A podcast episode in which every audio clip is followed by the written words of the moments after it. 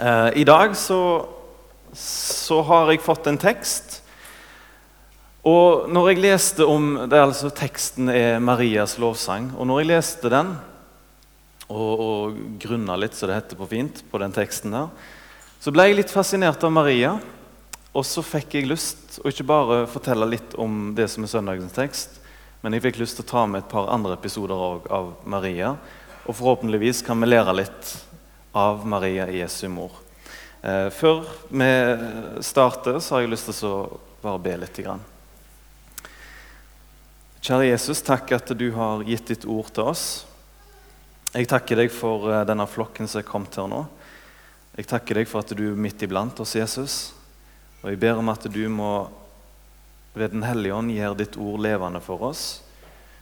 Og la det være til oppmuntring for oss, Herre, i, i dag. Amen. Da skal jeg få opp uh, den teksten. Marias lovsang. Og bare uh, len dere godt tilbake og følg med på denne teksten. her. Er en voldsomt fin lovprisning til Gud. Da sa Maria Min sjel opphøyer Herren, og min ånd fryder seg i Gud, min frelser. For han har sett til sin ringe tjenerinne. Og se, fra nå av skal alle slekter prise meg salig. For store ting har han gjort mot meg, han den mektige. Hellig er hans navn. Fra slekt til slekt varer hans miskunn for dem som frykter ham. Han gjorde storverk med sin sterke arm. Han spredte dem som bar hovmodstanker i hjertet. Han støtte herskerne ned fra tronen og opphøyet de lave. Han mettet de sultne med gode gaver, men sendte de rike, rike tomhendte fra seg. Han tok seg av Israel, sin tjener, og kom i hu sin miskunn slik han lovet våre fedre, Abraham og hans ett, ett til evig tid. Amen. Ok, Her er den teksten her, og det er et par ting jeg bare vil trekke ut herifra som ble utrolig fint for meg. Eh, det første er jo det er alltid flott å lese at Gud har omsorg for sine. En annen ting som jeg stoppet med her, er at Gud opphøyer de små. Og Da tenkte jeg med en gang når jeg leste akkurat den setningen, Gud opphøyer de små, så tenkte jeg hadde ikke vært sånn, så hadde ikke jeg fått vært en kristen. Det er bare for Gud ser til de minste at, uh, ja, at jeg får lov å kalle meg et Guds barn. Og så er det litt spennende også, eh, å, å, trekke fram at, eh, at, Maria henviser til Abraham og det løftet som han fikk. Og faktisk at det holder på å oppfylles nå, eh, mens Maria synger til Gud. Det er ting som jeg bare trekte fram her. Men vet du hva jeg la aller mest merke til med denne teksten? her? Det er ikke plent på en måte ja, det, det, er litt av holdningen, rett og slett. Det er litt av holdningen i denne lovsangen. her. Lovsangen kan oppsummere med én setning. Min sjel opphøyer Herren. Sånn som han begynner. Og Hvis det er én person i Bibelen som kunne hatt litt jeg mener, Hvis det er en som hadde hatt litt grunn til å kunne skryte og skinne litt, så var det Maria. Det som hun fikk være med på den brikka hun spilte i verdenshistorien. Hun kunne skryte litt. Men det som overrasker meg, er at istedenfor å fortelle om alt det som hun får lov å være med eller sånn, og, og, og skinne sjøl, så er hele hennes vitnesbyrd retta imot Gud. Utrolig ydmykt. Sjøl kaller hun seg for en, en ring tjenerinne, og så opphøyer hun Gud. Jeg er ingenting, Gud er alt. Hun sender all ære til Gud.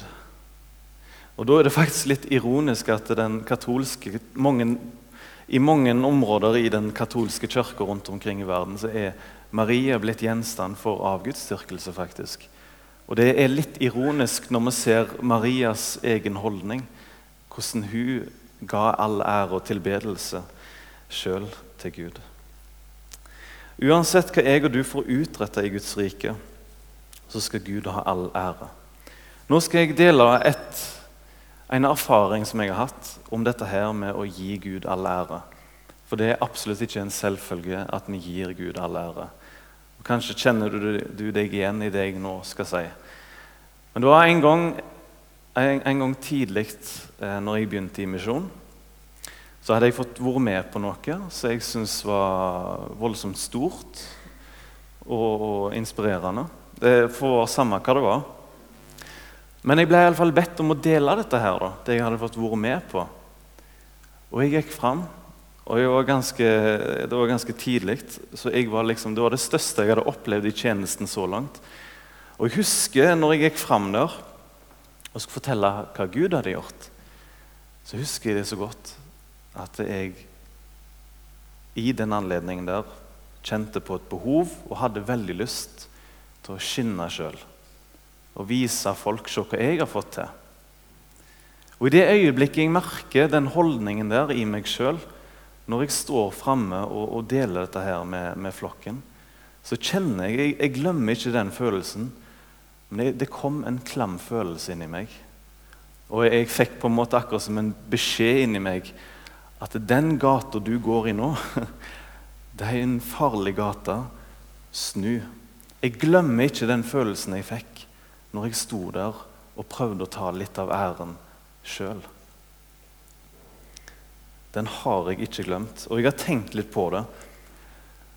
Å dele æren gjennom noe som Gud gjør, å dele på den æren der, det er like umulig som å sende et brev til to adresser. Det går bare ikke an. Ikke i det postsystemet som vi har i dag, i alle fall.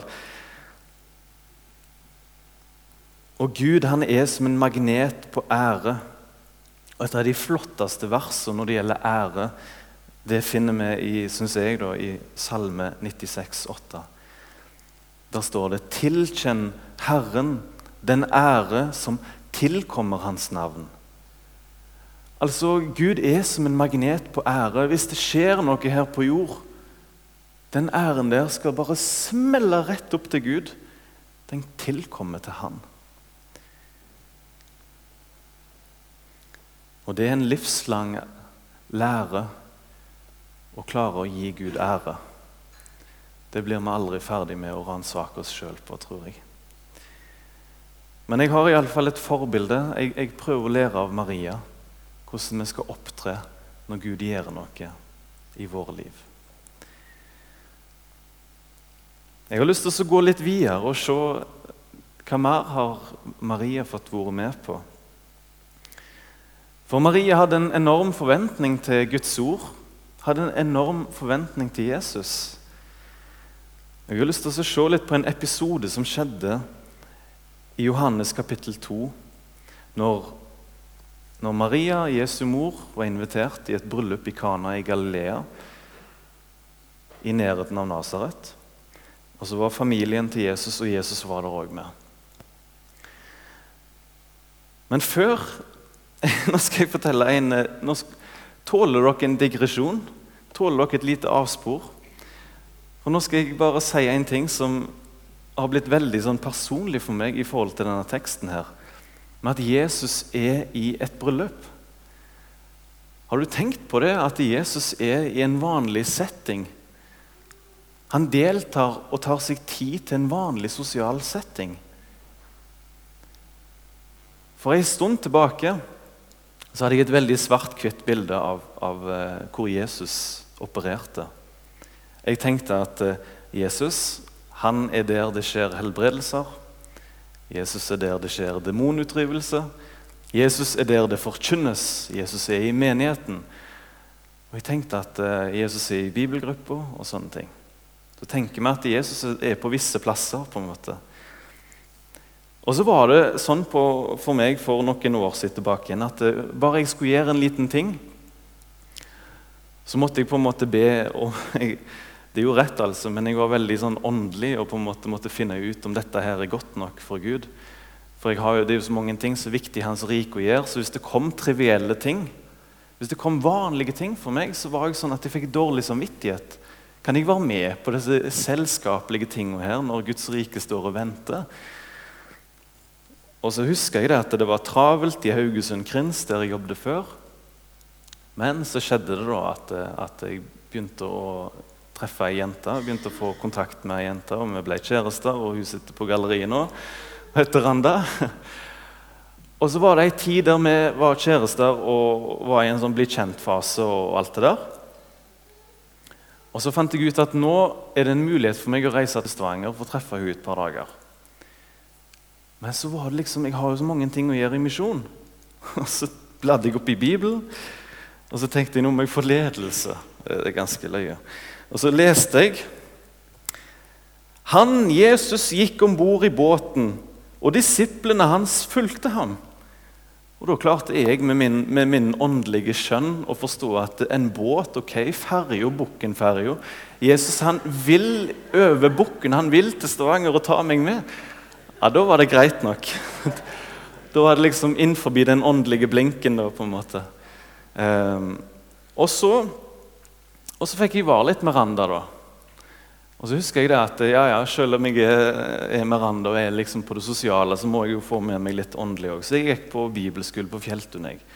Så jeg var der, jeg sneik meg inn et par timer. Jeg vet ikke om det er lov, Jonny, men jeg gjorde det. Eh, og Så satt jeg der, og teksten det var ifra eh, bryllupet i Kana. Og, og budskapet var dette her. Jesus han vil være med deg i ditt liv på de trivielle tingene òg. Like fullt som i menighetsliv og bibelgrupper og hva det nå var. Og så satt jeg og tenkte det der var til meg. For jeg har slitt litt sånn med å tenke at, det, at det, er, det, er, kun godt nok hvis vi er med Jesus på misjonsreise. Så utvider det mitt perspektiv. Og ikke nok med det, men når jeg kom hjem til Haugesund, så var jeg på et møte der òg. Vet du hva leseteksten var? Det var det nettopp eh, bryllup i Kana. Og budskapet var det samme igjen. Jesus han vil være med deg når du går på fotballkamp, når du går på bryllup, når du går til kompiser. Så vil han være med deg. Og det åpner mitt perspektiv, i alle fall. Så jeg fant ut at Jesus han var for at jeg skulle henge med dama mi. Det var, det var fint. Så, ja, det var en digresjon. Jeg håper dere tåler det. Men eh, nå skal vi tilbake til Maria og de i bryllupet der. Eh, og, og, og, så skjer det at de går tom for vin. Og bryllup på den tida der har jeg lest at det, det varte ikke sånn som her i Norge en lørdag. og så, eh, det var det, Men det kunne gå i ei uke og kanskje mer. Og da var vin en vanlig ting som de eh, hadde, og det var på en måte en viktig del av festen. Og så gikk de tom, og det var krise. Og så eh, virker det som Maria det virker som hun er en nær slektning av de som er gift der nå, for hun bryr seg veldig. Og hun engasjerer seg i at det er tomt for vin. Og så sier hun dette her. Disse berømte ordene. Så sier hun dette til tjenerne. Hans mor sa til tjeneren, hva, enn, hva han enn ber dere om, skal dere gjøre. Og så har jeg funnet en parallelltekst til det. Når jeg og du kjenner på motgang, utfordring, at ting ikke er så lett Og så var det Simon Peter som opplevde han hadde fiska en hele dag eller en hele natt. Og så ingenting fisk. Og så sier Jesus 'kast ut garnet'. Og så på ny. Men Simon svarte med å si til ham, 'Mester, vi har strevd hele natten og ikke fått noe.' Men likevel, på ditt ord vil jeg kaste ut garnet. Jeg vet ikke hvorfor, hvorfor, Jesus, nei, hvorfor Marie hadde denne her voldsomme forventningen til Jesu ord. At vi skal følge han og være lydige mot han. Om det var fordi Jesus hadde gjort noen små mirakler oppgjennom tiende når de mangla sukker. og sånne ting, jeg vet ikke. Eller om det var bare at hun visste Guds ord, på en måte at dette er Guds sønn. Uansett så har du tro på Jesus. Og Når jeg og du kjenner på motgang, kjenner på at ting ikke er så lett, så skal, er det én ting som gjelder. Hva sier Jesus i denne situasjonen her nå? Hva veiledning gir han til meg og deg? Og Spesielt for min egen del så har jeg erfart det at i kristent arbeid og ellers så er det voldsomt mye lettere å bare være aktiv enn å være lydig. Har du lagt merke til det? At det er lett å bare gjøre en haug med ting, og så kommer en inn i en sånn modus at en bare gjør masse uten å faktisk spørre hva vil du egentlig, Jesus? Jeg har sett det hos meg sjøl, jeg har sett det hos andre, at vi fort kan miste en slags varme og tilstedeværelse hvis vi bare går på autopilot. For hvis aktiviteten går lengre og utover det som Jesus får virke i meg og deg, så minker dette her. Og vi blir sånn som menigheten i Efesos som står i Johannes' oppmaring. De gjorde en haug med ting, men gikk utover kjærligheten og relasjonen til Jesus. Og det synes jeg, Da må jeg av og til gå tilbake igjen til hva vil Jesus med meg i dag? Hva er hans ord til meg i dag? Og når jeg ser på sansen min og alt jeg har satt meg opp på å gjøre, hva det egentlig Jesus ba meg om å virke i meg og la på mitt hjerte at jeg skulle gjøre. Så der syns jeg Maria har noe å lære oss, akkurat det der. Jeg har lyst til å gå videre til en annen episode som vi har noe å lære av. Og Da går vi rett til korset, rett til korsfestelsen. For livet består av tider der vi ikke har mulighet til å bidra noen ting. Vi blir maktesløse. Og noen av de plassene i Bibelen der jeg har fått mest tårer i øyekroken, er akkurat det som jeg skal dele med dere nå. Det er rørende å se når Jesus blir korsfesta. Og en av de få som står i nærheten av korsfestelsen og Jesus, det er Maria. Og jeg hadde forstått akkurat i det øyeblikket om Jesus hadde hatt mer nok med seg sjøl og sin smerte og sin straff akkurat der og da. Men det er så rørende at midt oppi korsfestelsen så tar Jesus seg tid til Maria og har omsorg for henne. Bare hør på disse versene her. Ved Jesu kors sto hans mor, morens søster Maria, som var gift med Klopas, og Maria Magdalena. Da Jesus så sin mor ved siden av henne, av henne disippelen han elsket, sa han til sin mor, 'Kvinne, dette er din sønn.' Deretter sa han til disippelen, 'Dette er din mor.' For da av tok disippelen, altså da Johannes, henne hjem til seg. Og jeg tenker av og til i mitt liv Jesus han er jo kongenes konge. Han er veldig busy med mange ting her på jord. Og Når jeg har enten små ting eller store ting, og jeg ber og jeg av og til ikke opplever på en måte at, at Hører Jesus meg nå? Er han her? Bryr han seg? Da er på en måte dette her et bevis på at jo, det er ingen situasjon som Jesus opplever der han ikke har tid til deg. Der han er opptatt med viktigere ting. på en måte. Og dette her viser litt den enorme omsorgen. Dette beskriver Jesus hvem han er for oss. Han tenker å ofre seg for oss hele tida. Og så er det én ting som jeg har lært her med Maria, at hun måtte bare ta imot den hjelpen hun kunne få. Jeg tenker sånn at Jesus han, han kunne sikkert skapt en god følelse eller sagt noen oppmuntrende ord. Men Jesus hadde en praktisk omsorg hele tida. Vi ser det at etter at Jesus for helbreda ei lita jente, og hun satt i senga og ble frisk, så kunne jo Jesus gjort sånn at han helbreda på en sånn måte at eh, magen ble full av mat. Vet du hva Han gjorde? Han sa til foreldrene dere må gi henne mat, så hun kan komme seg. Og Her i dette tilfellet så, så Jesus at hennes jordiske mor hadde det vanskelig og tøft nå og ble fratatt en av sine sønner. Selv om Jesus var Guds sønn, så hadde allikevel de en helt spesiell link. Og Så så Jesus dette og hadde omsorg. Og Det viser meg én ting ut ifra denne episoden her. Jeg og du må gjøre noe veldig vanskelig i løpet av livet. Vi må lære å ta imot hjelp fra andre mennesker. De som Gud sender, de som Gud vil bruke i ditt liv. Og Da må kanskje stoltheten gå av og til. Ikke, Kanskje du kjenner deg igjen i det? At det, det sitter så langt inne å be om hjelp. Be om forbund, kanskje. Be om et eller annet. Men Jesus bruker iallfall disiplene sine. Og det må vi være oppmerksomme på i hans menighet og ellers. At Jesus virker på den måten gjennom sine. Og Jeg har lyst til å lese et ord. Jesus er den samme i dag. Jesus er, har det samme hjertet. Og han ber oss om noe veldig viktig gjennom sitt ord den dag i dag. Jeg har lyst til å lese det, og det har med akkurat dette her å gjøre. Det står i Jakobs brev 1.27.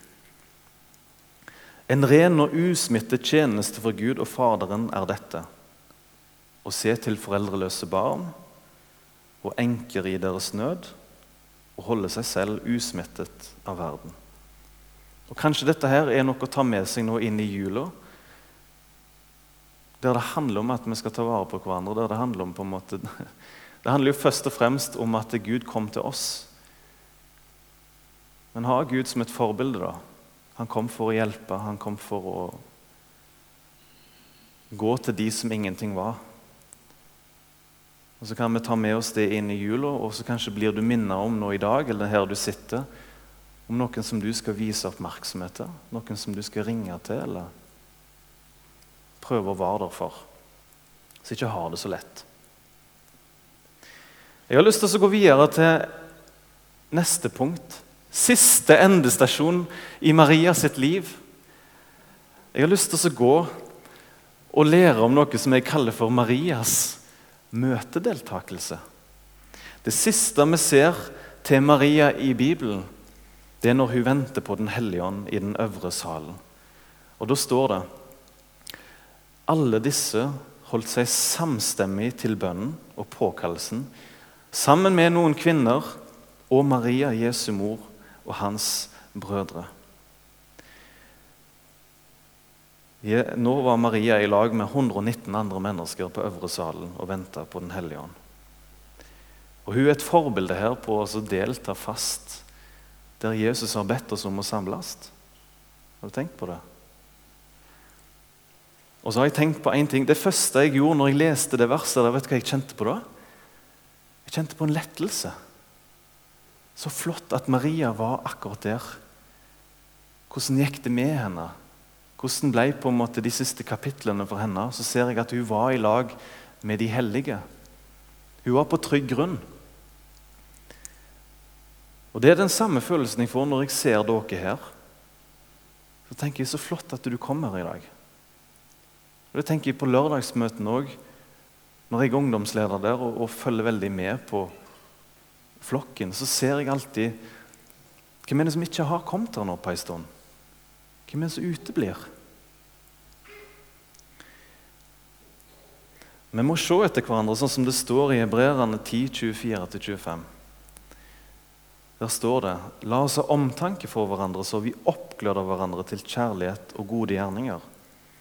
Og la oss ikke holde oss borte fra menigheten vår når menigheten samles, som noen har for vane, men la oss heller oppmuntre hverandre, og det er så mye mer som dere ser at dagen nærmer seg.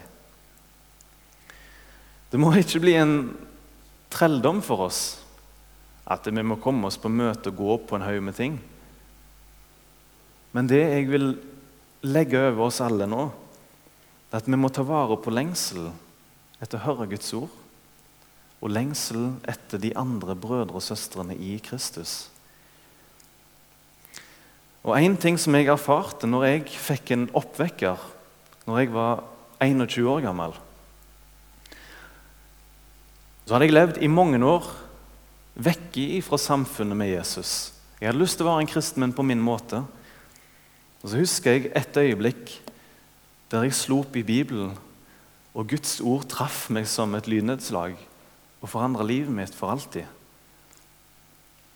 Rett etterpå så begynte jeg å bare kjenne på at jeg har lyst til å være i lag med mine brødre og søstre i Kristus. Og jeg forsto ingenting. Jeg forsto ikke hvorfor jeg plutselig hadde lyst til å prioritere de foran alle andre. Plutselig så var de kristne vennene blitt mer betydningsfulle for meg enn de ikke-kristne vennene på den måten. På den måten at jeg ville prioritere de og være med de først og fremst. Og Jeg forsto ikke hvorfor jeg begynte å tenke sånn. Jeg har aldri, aldri tenkt sånn før. Jeg syns alltid at de som ikke var kristne, var litt kulere og kjekkere med, for de fant på mye mer sprell, og det var alltid noe action. ikke sant? Men plutselig nå så fikk jeg en ny kjærlighet til de kristne. Og da har jeg lest noe i Bibelen som gjorde at jeg forsto hvorfor det ble sånn. For det er innebygd i Guds ord. Det er en del av pakken å bli en kristen. For hør nå. Vi vet dette står i Johannes første brev, kapittel 3, vers 14. Det er veldig spesielle vers. Men hør da. Vi vet at vi har gått over fra døden til livet, for vi elsker brødrene. Eller søstrene. Sant? Når jeg og du blir en gjenfødt kristen, så legger Gud ned en kjærlighet til familien. En ny kjærlighet. Og Det er et av kjennetegnene på om vi er gjenfødt. Om vi dras imot de hellige, om vi dras imot forsamlingen. Og Det får være et lite sånn vitnesbyrd om akkurat disse tingene her ifra meg. Men jeg syns det bare er herlig når jeg ser at Guds ord stemmer. faktisk. Det som står der, det jeg ikke visste om, det skjer. Og ellers så vil jeg bare si dette her, Hvis noen uteblir ifra forsamlingen, så ikke legg det på verken eh, forsamlingsleder eller, eller styre, men på en måte dette er noe vi har et felles ansvar for. Og jeg synes Det er ganske forbilledlig. Jeg har lest om hvordan det var i de første kristnes tid. Ikke i apostelens gjerninger, men det som vanlige folk har skrevet litt, et vitnesbyrd om hvordan det var i menigheten. Og så har jeg lest at eh, de hadde nattverd hver eneste gang de samles. På den første dagen i veka, altså søndagen, så hadde de alltid nattverd. Og vet hvordan det var der? Hvis det var et par som ikke møtte opp i menigheten, så reiste diakonene hjem til dem med nattverden og eh, full pakke. Og så delte de nattverd i lag. Hvordan hadde det fungert her i Salem? Hvis det var, Vi fant ut at det er ti medlemmer som ikke er her, og så bare fordelte vi oppgaver. og Så gikk vi, reiste vi, kjørte vi hjem til de og bankte på. 'Hallo, er du sjuk i dag? Hvordan går det med deg?' Men nå kommer vi med nattverden, og skal vi ha en stund i lag. Skal du få høre hva vi talte om og underviste om? Det, det vitner litt om en enorm kjærlighet til hverandre. Jeg sier ikke at det er den, den praksisen vi skal gjenta. vi har ikke noe sånn, Men jeg, jeg, jeg sier bare at det, det er noe å hente der. Det er noe å hente der. Nå har jeg lyst til å bare oppsummere, sånn at, du ikke, sånn at eh, jeg repeterer bitte litt det som har sagt her nå. Når du nå hører juleevangeliet, når du hører litt om Maria, så har de bakover dette her. Maria var ydmyk og ga all ære til Gud. Maria hadde en forventning til Jesu ord og hørte hva er det vi skal gjøre nå, Jesus. Maria hun ble nødt til å ta imot hjelp. Den hjelpa som Jesus sendte gjennom et annet menneske, Johannes.